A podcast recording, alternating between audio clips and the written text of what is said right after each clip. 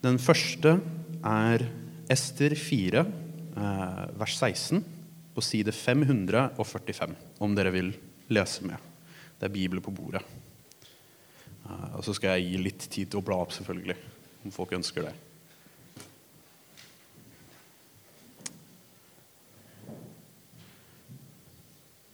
Vers 16. Gå og kall sammen alle jøder som befinner seg i Susa, og hold faste for min skyld.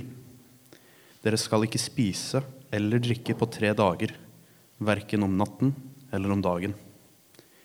Jeg og tjenestejentene mine vil stå faste på samme måte. Jeg skal gå inn til kongen, selv om det ikke er etter loven. Så skal jeg gå til grunne. Så går jeg til grunne. Eh, det neste verset er Nehemia 1, vers 2b til 4. Side 525. Så det er like ved.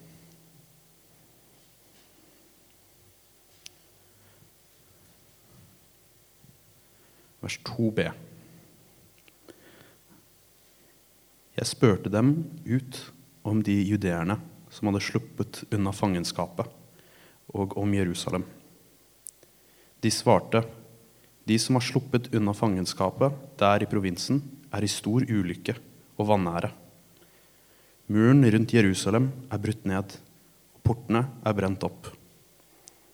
Da jeg hørte dette, satte jeg meg ned og gråt. Jeg sørget i flere dager. Jeg fastet og ba til himmelens Gud.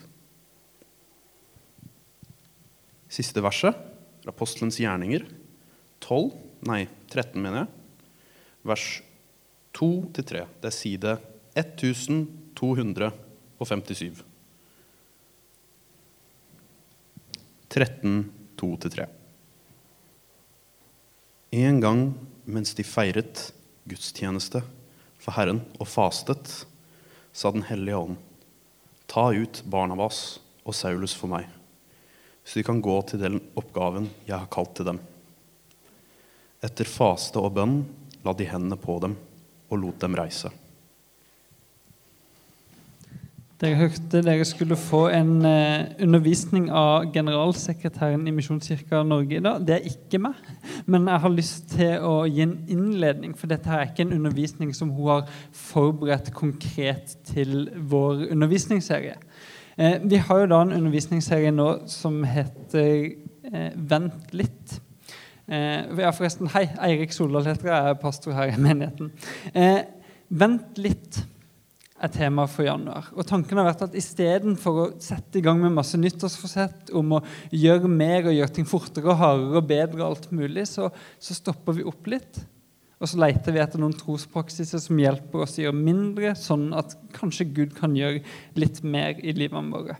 Vi har vært innom temaet sabbat, hviledag, og vi har fått høre om, eh, om stillhet. Og i dag er vi da kommet fram til det dere hørte om i disse tre bibeltekstene, nemlig faste. En ganske sånn fremmed ting for mange av oss. Den undervisninga vi skal få se på video i dag, som varer ca. 25 minutter, det er vår nye generalsekretær i Misjonskirka Norge, som heter Siri Iversen. Hun holdt denne her i oktober knytta til noe som kalles Misjonskirkens dag. Og Der snakker hun om eh, den nye strategien, de nye satsingsområdene til Misjonskirka Norge nasjonalt. Eh, og Hun snakker mye der om å, om å leve et liv der man er overgitt til Gud. Eh, hun stiller noen spørsmål. Hvem er det du lever for? Er det for Gud, eller er det for deg sjøl? Eh, og så avslutter hun undervisninga med å lyse ut en faste. Litt sånn som noen av de tekstene her sa, og de tekstene tar hun også opp. Så hun har rett og slett utfordra misjonskirkene rundt omkring i hele Norge til å ha en bønne- og fastehelg 4.-5. februar. Vi legger opp et enkelt program her i kirka og utfordrer dere til å være med på så mye eller lite som dere vil, med eller uten mat i magen. Eh, og Der skal vi bl.a. be for disse tre nye satsingsområdene for Misjonskirka Norge. Det er at Vi ønsker å se flere mennesker komme til tro på Jesus. Vi ønsker å sende ut flere medarbeidere. Og vi ønsker å plante nye fellesskap. Eh, men før vi begynner på alt det vi skal gjøre, så stopper vi opp, venter litt, ber, faster, stopper å spise i noen få dager for å overgi oss til Gud. Eh, og det er det Siri Iversen nå skal si noe om. Så eh, ta hun godt imot applaus eller et eller annet sånt. Kjære Misjonskirke Norge, og kjære alle sammen som av en eller annen grunn ser på denne talen. Nåde være med dere, og fred fra Gud vår Far og den Herre Jesus Kristus. Nåde og fred. Fantastisk bra sted å starte en tale.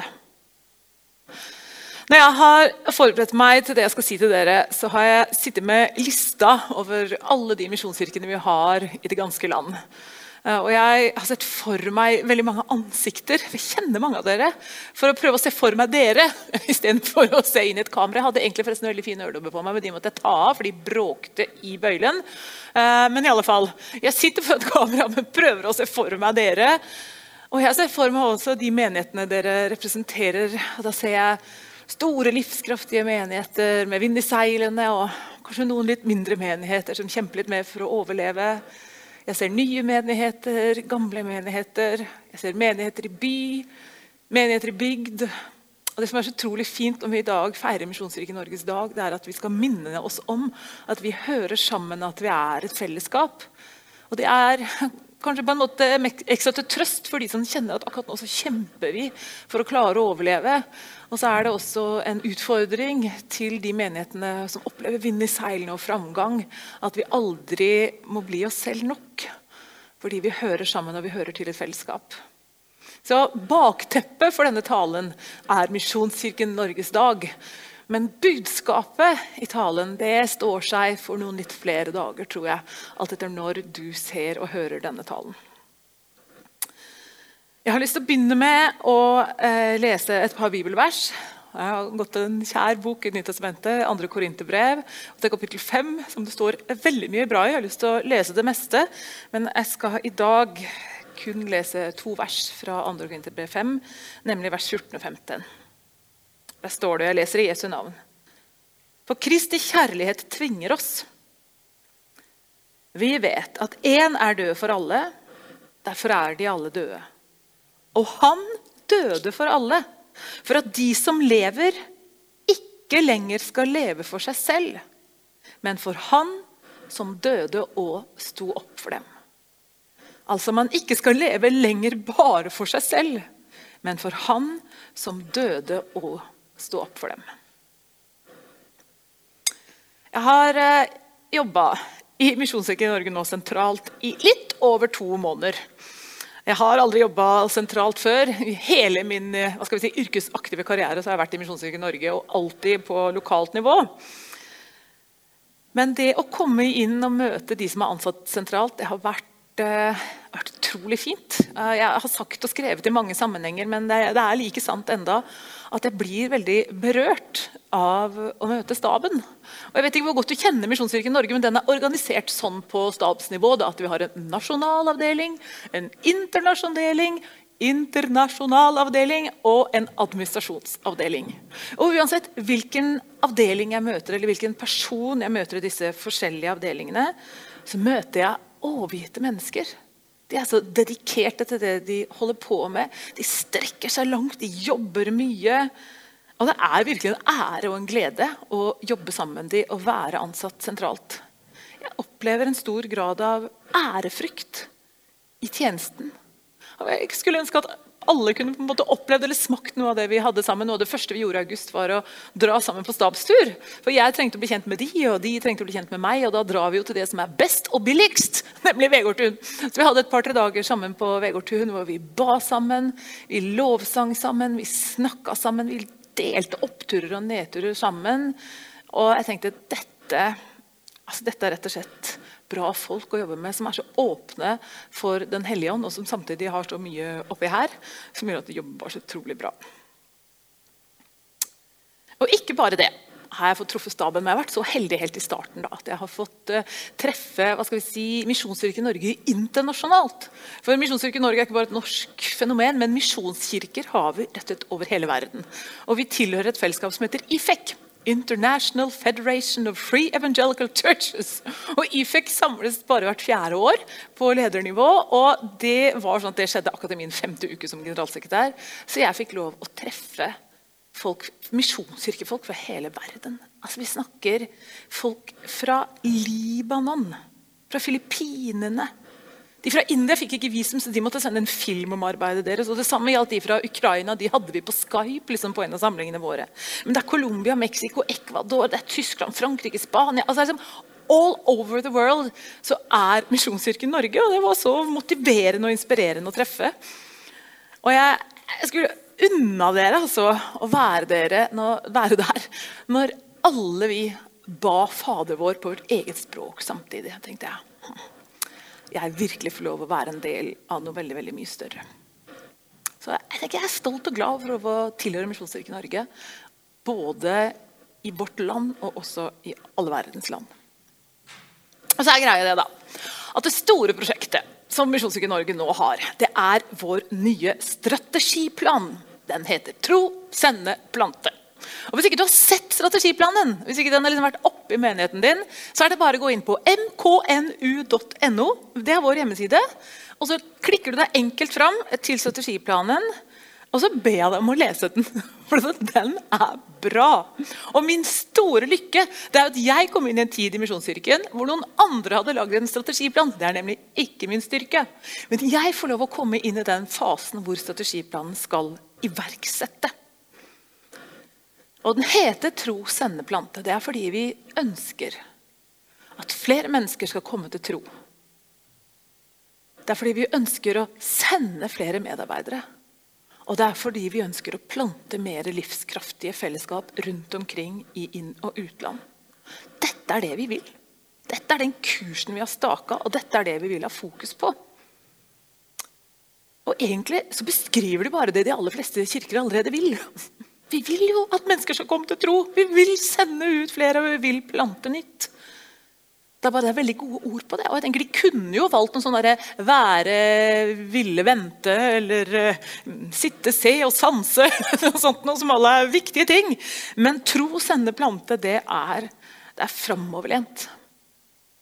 Og det vi da spør oss uh, vi som jobber eh, på nasjonalt nivå, det er Jeg har hørt en eller annen sted den setningen It is written on the wall, but does it happen down the hall? Altså, Det er veldig fint med en eh, god strategi, men hvis ikke den får noen betydning ute i lokalkirkene og for den enkelte av oss, så blir det jo bare et pent papir. Og det er det jo ingen som ønsker seg. Så hvordan skal dette se ut lokalt? Hva er min rolle, hva er vår rolle i dette? Og jeg må bare innrømme for dere alle sammen at akkurat når jeg kom hit, så tok denne talen jeg forberedte meg, en helt annen vending enn det jeg hadde sett for meg. For jeg hadde litt sånn der, tro, sende plante, og så skulle jeg gi noen gode eksempler på at mennesker kom til tro, noen gøye planteeksempler og noen gøye sendeeksempler. og så you go, dette blir moro, liksom. Og det kunne helt sikkert blitt en veldig fin tale, det også. Men jeg kom til det spørsmålet Hvordan skal dette se ut? Hvordan skal dette liksom få forankring lokalt. Hvordan skal vi klare som misjonskirke rundt omkring å tro, sende, plante? Så kjente jeg på en sånn sønderknuselse, sønderknuselse, rett og slett. Jeg har ikke noe annet ord på det. Og I forhold til det bibelverset jeg leste om å ikke bare leve for seg selv, men for Han som døde og sto opp igjen. Og Hvis vi skal tro, sende og plante, så for mange av oss, og for generalsekretæren inkludert, så betyr det at Gud må gjøre noe med mitt hjerte. Så akkurat nå, dere, så snakker jeg til de av oss som kaller oss for troende. Vi som sier at vi følger Jesus Kristus. Så tror jeg at Gud må gjøre noe med våre hjerter. Og at vi må ydmyke oss innenfor Han. Og Hvis du hører på denne talen og ikke helt har et avklart forhold til tro, eller er veldig langt unna tro, kanskje kan det godt hende du er helt enig. Ja, jeg tror definitivt Gud bør gjøre noe med hjertene til de kristne. Men samtidig så inviterer jeg deg også med på dette, for jeg tror dette kan være relevant for oss alle, uansett åssen vi er i forhold til tro.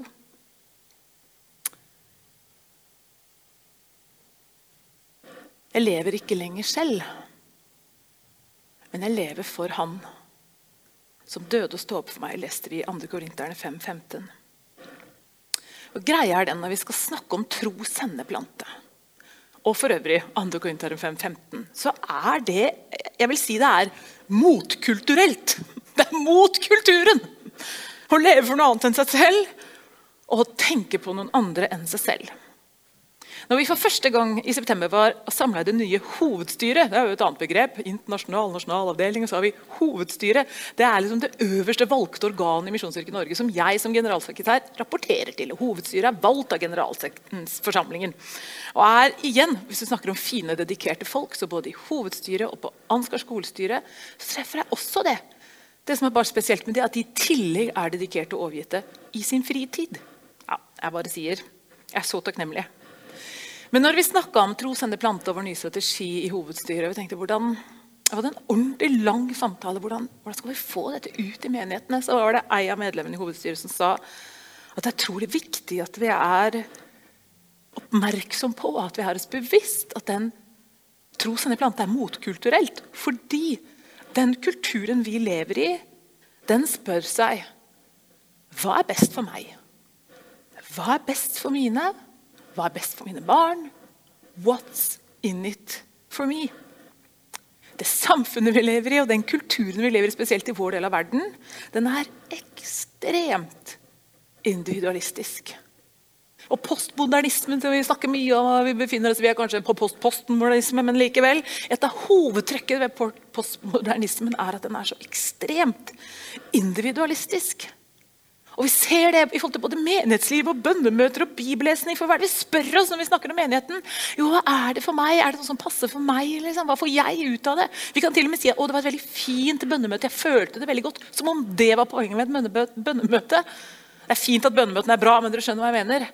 Eller når vi leser vår bibel, så er det hva kan jeg få ut av dette? Kan jeg få noen gode følelser, kanskje? Kan, liksom, alt er så fokusert på meg og mitt.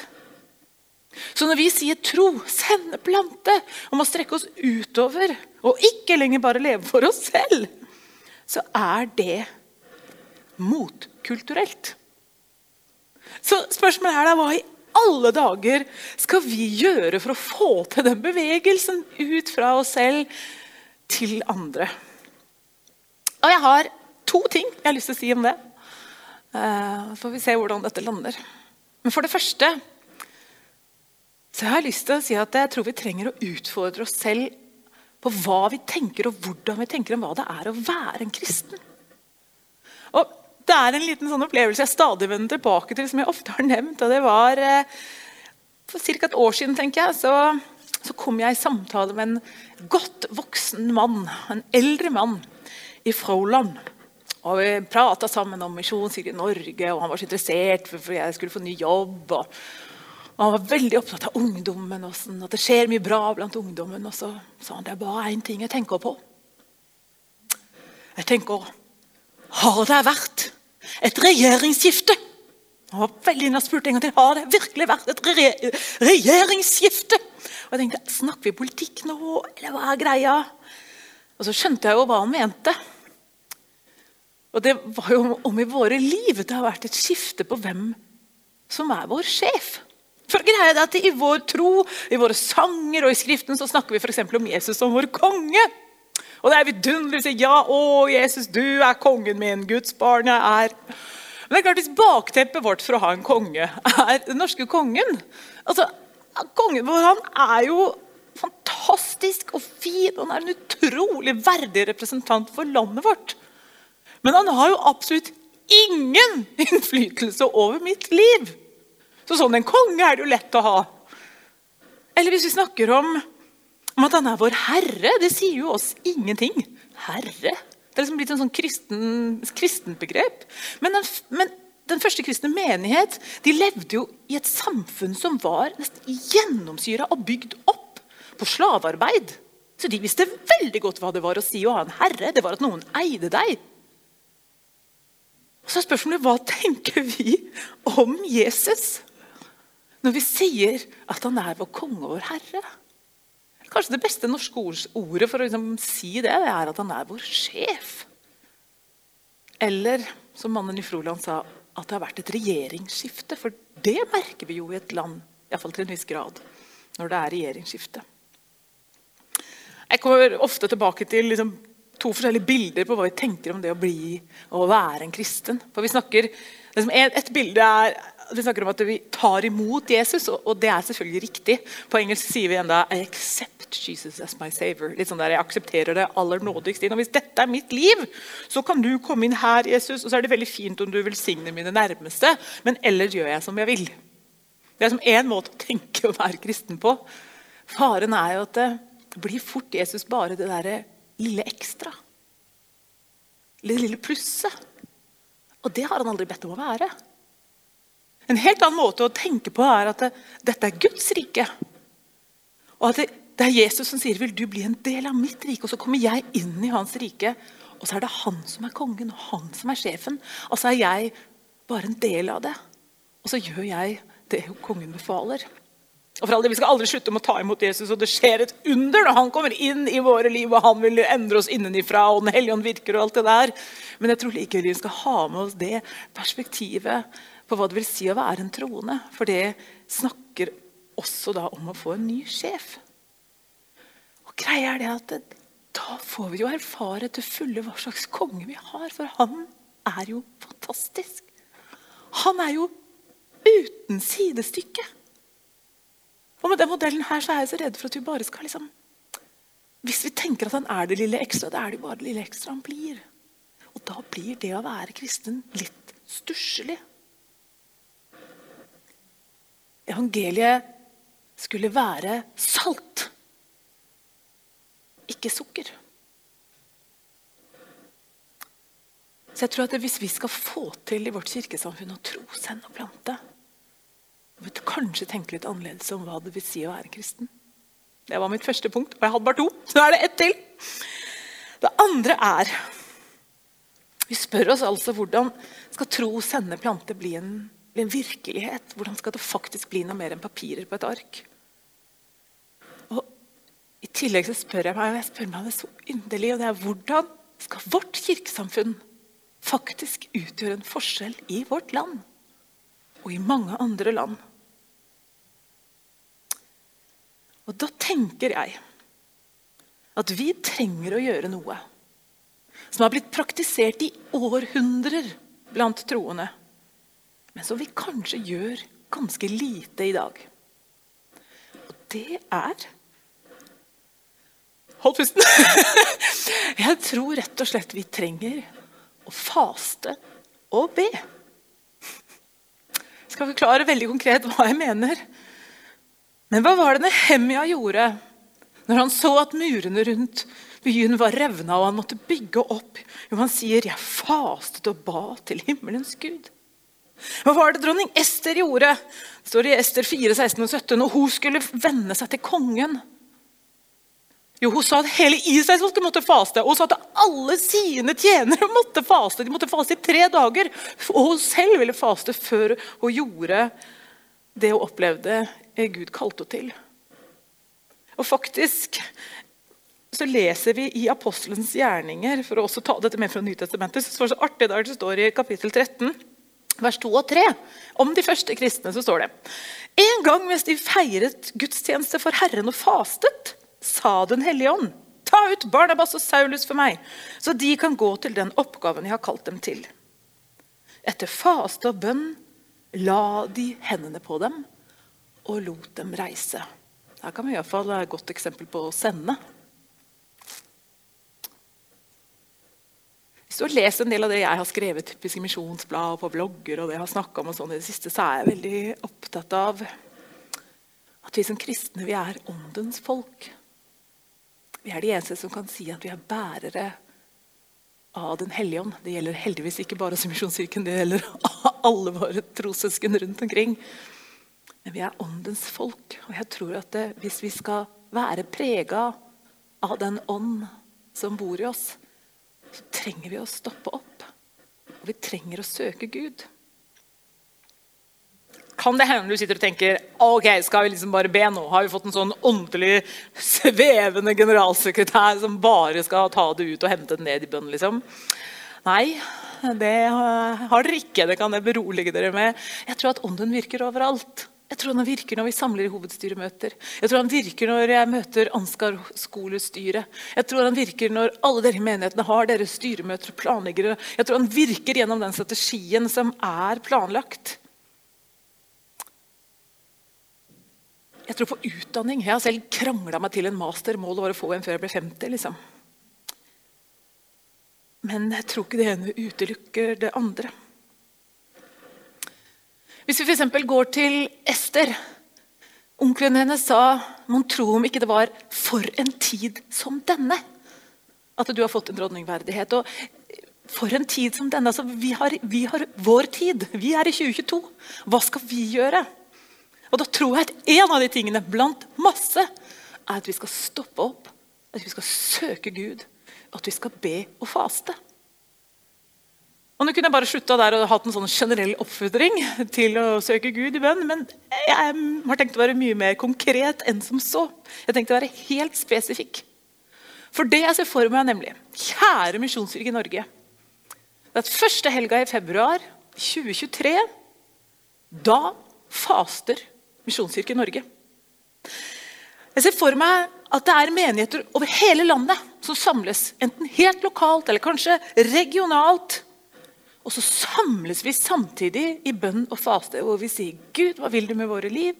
Hva vil du med vårt kirkesamfunn? Og hvordan skal vi være blant de som utgjør en forskjell, og som får være med å se at mennesker kommer til å tro at de blir sendt, så vi får planta nye fellesskap?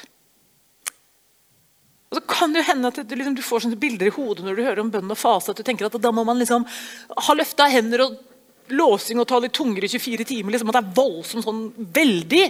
Eller helt motsatt, at du ser for deg noe veldig stille og veldig kjedelig og veldig sært. Vet, liksom, kanskje du har dårlig erfaring med faste, kanskje du absolutt ikke har noen erfaring med faste.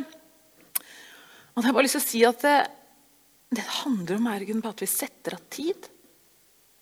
Og vi setter av til og med vår spisetid.